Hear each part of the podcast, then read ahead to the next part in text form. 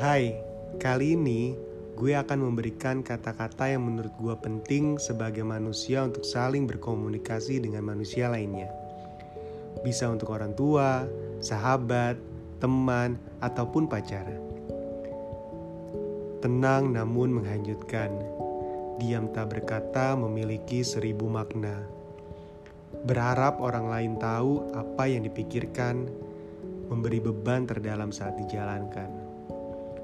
Komunikasi itu penting dalam berbagai hal, apalagi manusia tak pernah sama meski terlahir kembar.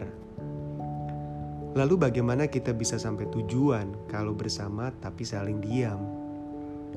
Terkadang kita berharap orang lain paham tentang apa yang dipikirkan, padahal setiap manusia memiliki pemikiran dan makna yang tidak harus sama.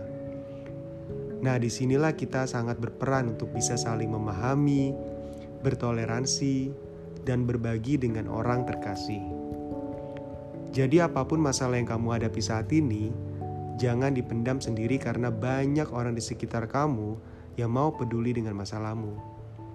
Ceritakan apa pun itu dengan orang terdekatmu agar bebanmu akan cepat berlalu.